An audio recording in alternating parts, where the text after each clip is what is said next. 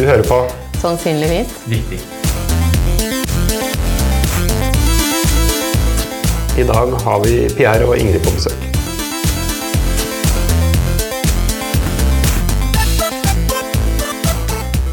Kan kunstig intelligens forstå språk? Tja. Tja. Ja, det er kanskje riktig svar. Vi får komme tilbake til det etter hvert. Eh, Med meg har jeg Pierre eh, Lissot, fra forrige, kjent fra forrige episode. Men da seniorforsker på Norsk Ja, hyggelig. Seniorforsker her på Norsk Regnesentral, og også medlem av AIF. Kan du si kort hva AIF er? Ja, det er Akademi for unge forskere. Og Ja. det er en samling eh, forskere fra alle disipliner og alle institusjoner i Norge. Ja. Og vi diskuterer hovedsakelig to ting. Eh, forskningsformidling Ja. og forskningspolitikk. ja. Og spesielt rettet mot unge forskere. Og der møtte du Ingrid. Som Så du heter, har jeg notert, Ingrid Lossius Falkum. Stemmer. Ja, og er førsteamanuensis på to institutter. Og nå skal jeg lese opp, det var veldig lange navn. Ja. Institutt for filosofi, idé og kunsthistorie og klassiske språk. Det er det ene. Og det andre er Institutt for lingvistikk og nordiske studier. Ja. Det var litt av et eh, Du dekker mye. Ja, jeg har eh, en delt stilling mellom filosofi og lingvistikk. Ja. Og hvis jeg skulle hatt en stilling som dekket de fagfeltene jeg jobbet med, så burde det også vært en psykologibit der. Oi. Oi, oi, oi. Men det, er, eh, har, det reflekterer eh, at jeg jobber veldig tverrfaglig. Ja. Så da er det fint å fordele seg litt på forskjellige steder. ja, men det er flott at ikke alle spesialiserer seg inn i ja, evigheten, holdt jeg på å si. Um, jeg har et utsagn her som jeg tenkte vi kunne diskutere litt. Og det er um, setningen 'Ibsen står nede i kjellerstua'. Hvordan kan vi forstå det? Ja, det, for, for oss er det ganske åpenbart hvordan man skal forstå, fordi vi vet vet at Ibsen ikke lenger eh, lever. Så det, eh, det må være en bok som står nede i kjellerstua. Eh, og det gjør vi ved å altså, tolke hva som den andre personen kan mene. Eh, men eh, det er overhodet ikke enkelt for en maskin til å forstå det samme. Nei. Hvorfor ikke? Um, nei, altså det som vi gjør når vi uh, forstår språk, det er at vi må, vi må kunne betydningene til alle ordene i ytringen. Og så må vi kunne vite hvordan vi setter dem sammen til en meningsfull enhet. Men eh, vi kommer ikke så veldig langt hvis vi stopper der. Da, eh, og, og i dette tilfellet her med Ibsen står nede i kjellerstua, så vil vi faktisk ikke kunne ha egentlig noen formening om hva taleren har ment å kommunisere til oss. I hvert fall ikke noe som gir noe særlig mening. Um, så det vi gjør i tillegg, er at vi bruker Vi tar utgangspunkt i dette meningsinnholdet som, eh, som vi får fra språket, det språklige uttrykket. Og så anvender vi um, kontekst, som da er en hel rekke ting. Bakgrunnsantagelser, ting vi vet om den vi, personen vi eh, snakker om, foregående samtale med vedkommende osv. Og, og så slutter vi oss frem til talerens intensjon, som vi kaller det. Det høres vanskelig ut. Ja, for oss er det jo veldig lett. Ja. Vi gjør det jo uh, uten å blunke hele tiden. Eh, men for datamaskiner så er vel dette en uh, veldig stor oppgave å løse. Hvorfor det? Eh, Fordi maskiner har ikke noen eh, det samme opplevelse av den sosiale rundt språket. Eh, en eh, språkmodell som utvikles, eh, og det er noen veldig store språkmodeller som kan brukes. Og med stor så mener du Det, det er store som er milliarder parametere som eh, må justeres, eh, og som tar hundrevis av maskiner til å trenes. Eh, de trenes hovedsakelig på tekst og er veldig gode til å forutsi ord i kontekst. Er disse tekstsamlingene, f.eks. Wikipedia. Eh, men Haikel har ikke opplevd det å bruke språk til å oppnå ting i verden, og til å samarbeide med andre personer. Mm. så det, er den sosiale rundt språket noe som en datamaskin ikke er eh, en, en, en, en god sans for. Og hvordan kan vi få datamaskinen til å bli god på det? Er det mulig? Eh, ja, altså det, man kan bygge systemer som kan altså eh, snakke med, altså, med, med, andre personer og prøve å, å slutte seg, altså finne den mest sannsynlige hensikten bak en bestemt ytring. Mm. Men det er ikke noe lett, og det er ikke hva disse store språkmodellene jeg har snakket om, er egentlig bygd for. Ikke sant?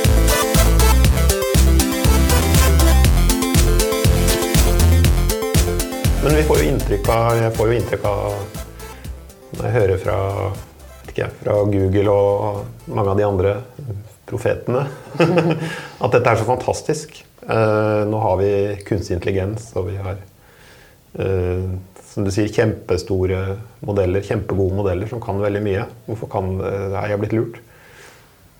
nei, så de, de, de klarer tydeligvis å, å, å, plukke opp en del mønstre. Mm. Og de er veldig flinke, kanskje bedre enn oss, til å altså, virkelig gjenkjenne noen veldig kompliserte mønstre i språklige ytringer.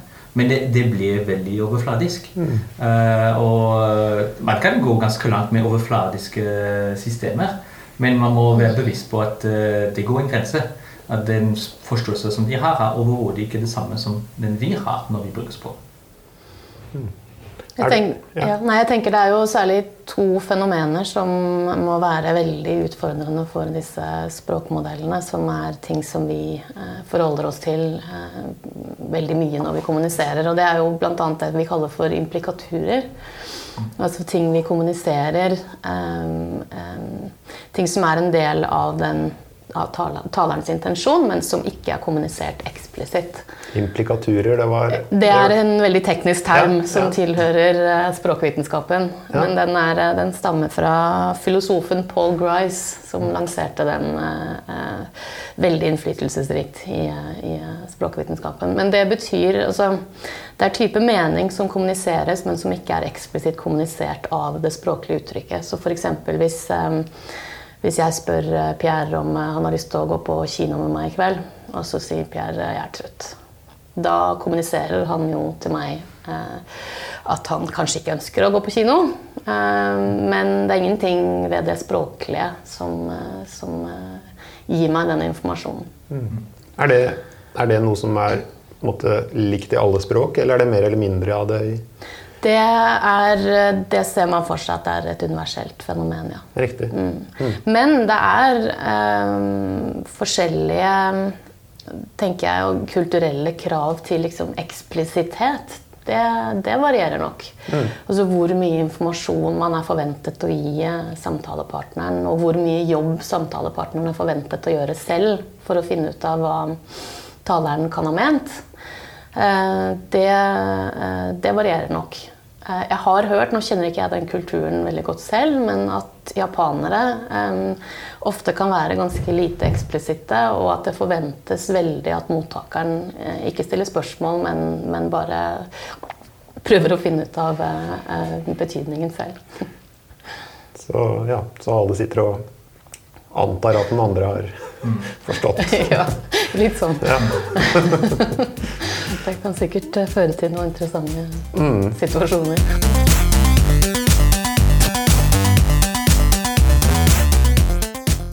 Um, ja, men hvis vi godtar at det er uh, utfordringer for språkteknologi, da mm. hva, Da tenker jeg på to ting, eller tre. Det ene er hva kan gå galt? Hva kan, hvordan kan språkteknologi bli bedre på det? Det har vi vært litt inne på. Mm. Også hvordan kan lingvistikk lære av språkteknologi. Mm. Hva, ja. Vi kan kanskje, Da var det veldig mye på en gang. Ja. Men eh, først, hva kan gå galt? Hva er eh, problemet med det her? Det er, det, er, mye som kan gå galt. Altså det er det at man eh, Mange tror at disse systemene er kanskje smartere enn de er. Eh, man, hvis man f.eks. prøver å bruke system til å produsere tekst og skrive tekst, så mange av disse tekstene er veldig gode. Altså, det, det, er veldig vanskelig å skille disse tekstene fra altså, tekst som er skrevet av ekspresjoner. Mm. Men altså, det er ikke noen dype forståelse bak. Uh, bare prøve å igjen, altså, finne den ord som er mest sannsynlig i konteksten, basert på tekstsamling som ble brukt for å trene disse systemene. Uh, og da kan man ofte tenke at ja, disse systemene er så smarte. Eh, de har forstått alle språkene, og vi, de kommer til å trenger ikke å ha oversettere mm, lenger, fordi de er, de er så mye bedre til disse oppgavene. Og det er ikke tilfellet. Det er fortsatt veldig overfladisk. Det er imponerende. Det er veldig mye vi kan bruke disse systemene til. Men vi må også være bevisst over eh, begrensninger til disse. Mm.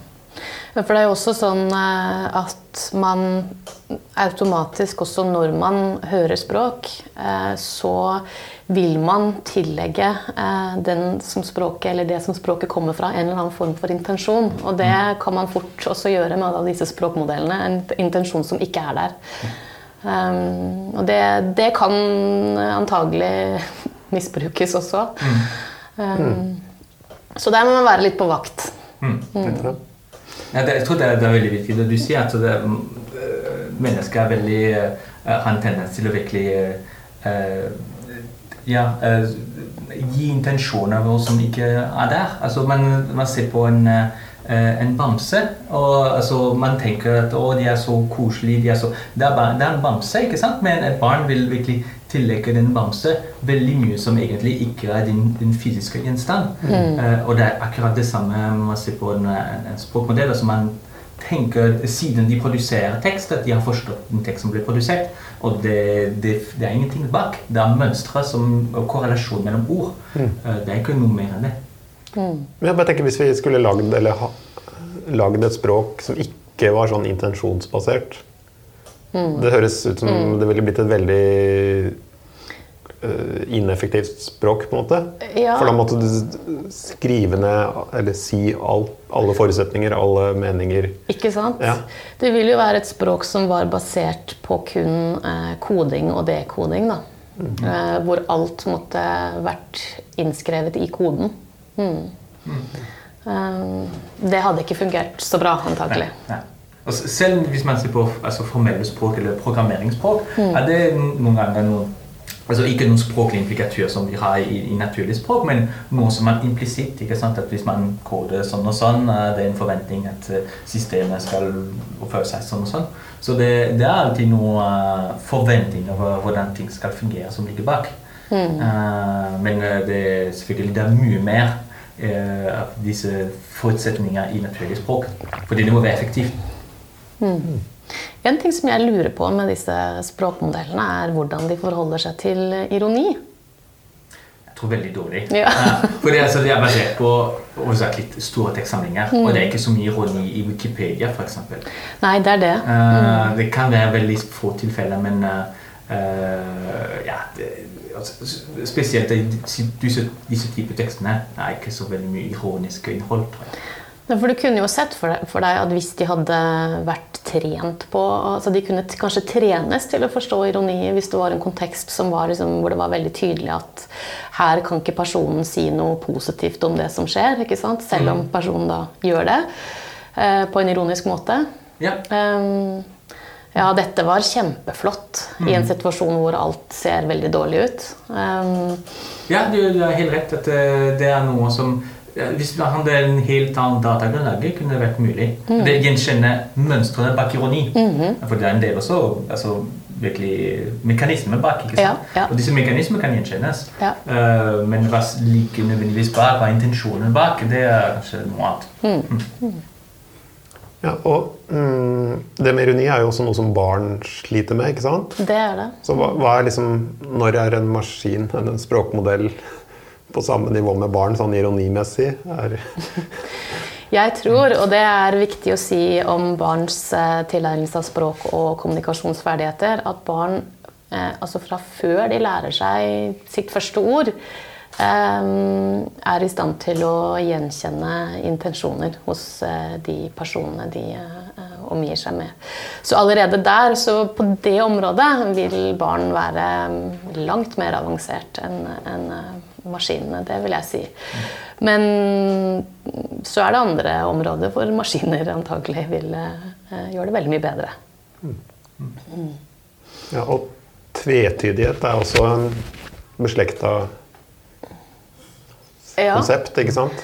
Det er vel et stort tema innenfor språkprosessering. Eh, hvordan man skal håndtere det. Ja. Um, Også innen lingvistikk, ikke sant? Ja, så, um, definitivt. uh, ja, altså uh, det, det, som er felles for uh, eh, språkprosessering i maskiner og i mennesker at man har behov for å ta i bruk konteksten. Eh, man prøver å utnytte kontekst for å finne ut hva den mest sannsynlige betydning eh, ja, gitt det, det, det, som har blitt sagt før, og kanskje i noen tilfeller i tekst det som blir sagt etter. Mm. Det vil selvfølgelig ikke fungere når man snakker, fordi man kan ikke forutsi fremtiden. Men i tekst kan man gjøre det på en, en begrenset måte. Ja. Uh, uh, men det som er forskjellen, det er hva kontekst handler om. Uh, I uh, språkmodeller kontekst er begrenset til ordene som, som ligger på til venstre eller høyre.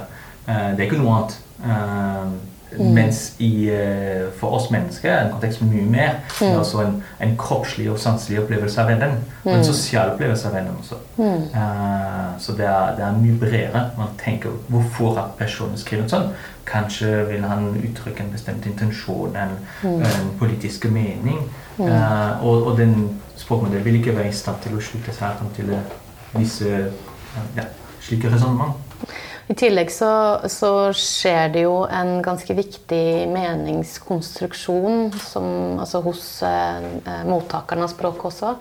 I mange tilfeller. Altså, så når vi snakker om tvetydighet f.eks., så vil jo en, en datamaskin kunne kjenne igjen etablerte betydninger, men de betydningene som den ikke har vært trent på eller sett før, den, de vil være mye vanskeligere å, å komme fram til.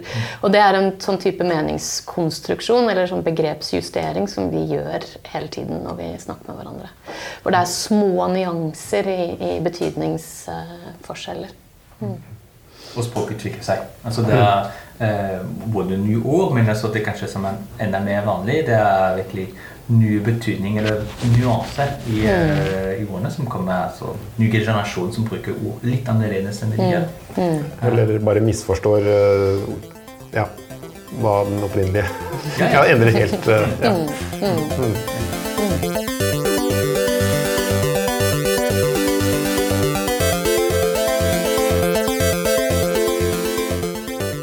Ja, jeg hadde et spørsmål som kanskje er litt vanskelig, men det var hva kan, hva kan liksom lingvistikk ta tilbake fra språkteknologi? Jeg, nå er ikke jeg lingvist eller språkteknolog, men ser jo, det ser liksom ut som språkteknologi begynte på en måte med lingvistikk, og så har det blitt mer og mer si, maskinlæring, statistisk læring. Men er det noe tilbakekobling? Er det sånn lingvistikken ser annerledes på ting? Altså, det gir jo Det gir jo mm, store muligheter for, for forskning på språk også. Altså, og, og jeg tenker jo Muligens kan vi lære noe av um, disse modellene som handler om hvordan vi, altså hjernen vår, prosesserer språk, selv om det ikke nødvendigvis er noe likhetstegn mellom de to. Um, så um, ja, Det er vanskelig å svare på akkurat konkret hvordan, men, men jeg tenker at det er, det er ting for oss å lære òg, helt klart. Jeg tror de to fagfelt er mye å lære av hverandre. Det er veldig uheldig at uh, det er mye lingvistisk kunnskap som har blitt litt glemt i, uh, innenfor språkteknologi. Eh, og det, det gjør at man gjennomfinner hjulet uh, hver ti år. Som er veldig synd, for det er, det er kunnskap som har ligget til nesten hundrevis av år. Og, som man må finne på nytt. Og når vi ser disse nye språkmodellene som har kommet de siste to årene, det, det er veldig mye interessant. eh, Blant annet hvordan f.eks. kontekst kan påvirke betydninger. Men det er også veldig mye som de ikke har lært, som, er veldig, også veldig viktig, f.eks. negasjon. Altså det at eh, man kan endre, fullstendig endre betydningen av en setning men å sette den ikke. Eh, Det er noe som har vist seg ved å gjøre eksperimenter at de ikke har lært det ordentlig. Og det er ganske viktig. er ganske Eh, sentralt. Og, og det å gjøre noen lingvistiske tester, f.eks., og, og, og, se om modellene er ordentlig lært hvordan man uh, bruker negasjoner. Det, det er noe som uh, kan virkelig gi en, uh, en bedre forståelse av hva disse modellene kan og ikke kan gjøre. Ja, og nå, jeg bare kom på et spørsmål nå. Um, for nå snakker vi om tekst, ikke sant? Men språk er jo muntlig også. Og i noen språk særlig så, så er det ganske stor avstand mellom tekst, eller det skriftlige språket og det muntlige språket. Um, ja, det er kanskje ikke noe godt spørsmål, men hvordan påvirker det alt det vi har snakka om nå? Det er jo en viktig bit av um, konteksten. Uh, det, altså modaliteten. Um, Hva betyr modaliteten? altså uh, måten språket uttrykkes på. Ja. Um, tekst eller tale eller ja. Um, men uh, det vil jo også være altså, registerforskjeller. Det, det er som vi kaller det innenfor lingvistikken. At uh, man kan ha uh, tekstlig et mye mer formelt språk. Når man snakker muntlig, så er man mer uformell. Uh, man har ofte mer innslag av dialekt osv. Og, så og alt det bruker vi jo. Det vil jo være en del av konteksten som vi bruker for å tolke det som blir sagt til oss også. Eller det språket vi hører. Mm. Og I tillegg, når man snakker med en person eh, ansikt til ansikt, er det virkelig mye, altså det er virkelig en samarbeidsprosess. Eh, Mm. At eh, man, man ser på den personen, man, ser, man gjør det mm, altså De små lyder som viser at man har forstått eller ikke forstått. Eh, så det er ikke noe passiv mottakelse av uh, det som blir sagt. Jeg, jeg ser på deg, uh, og jeg, har, har du forstått? Du vil kanskje gjøre en ansiktsuttrykk som viser Det er noe kanskje som er litt uklart. Og da vil jeg automatisk tenke at jeg må kanskje endre litt hva jeg sier, eller si det på en annen måte. Så det er virkelig en samarbeid. Det er to personer som virkelig hele tiden er oppmerksom på det som blir sagt. Det som man har forstått, det som man ikke har forstått. Det som har felles kunnskap eh, blant samarbeidspartnere, altså de som deltar i, i samtalen. Um, og det er ikke til, til stede når man leser tekst Det er ikke på samme måte. Man har noen forventninger av hva leseren kan ha, men det, man har ikke disse signaler som kommer hele tiden. Men hvis du kommuniserer med en maskin, eh, så kunne du lagt til rette for en sånn eh, tilbake eh, Ja. Altså bruke både tekst og lyd og bilde og, og gi en sånn tilbakemelding som maskinen Ja. kunne etter hvert lære å forstå mer av. da. Så, Ja. så en kunne kanskje møtes litt, litt Ja, det, der. det er mange som, som eh, blant annet med roboter som prøver å, å få, få dette på plass, men det, det er ikke så lett, for det er de små signaler som er egentlig Man trodde de var veldig enkle og veldig overfladiske, men de er ikke det. Eh, og det, de forekommer på mange nivåer. eh, man kan virkelig eh, altså vise man, er- man hører at en annen person snakker, uh, som er virkelig den første, men man kan virkelig uh, vise man er enig eller uenig. Det er mange signaler på mange nivåer. Uh, og eh, det krever en helt annen forståelse av interaksjon.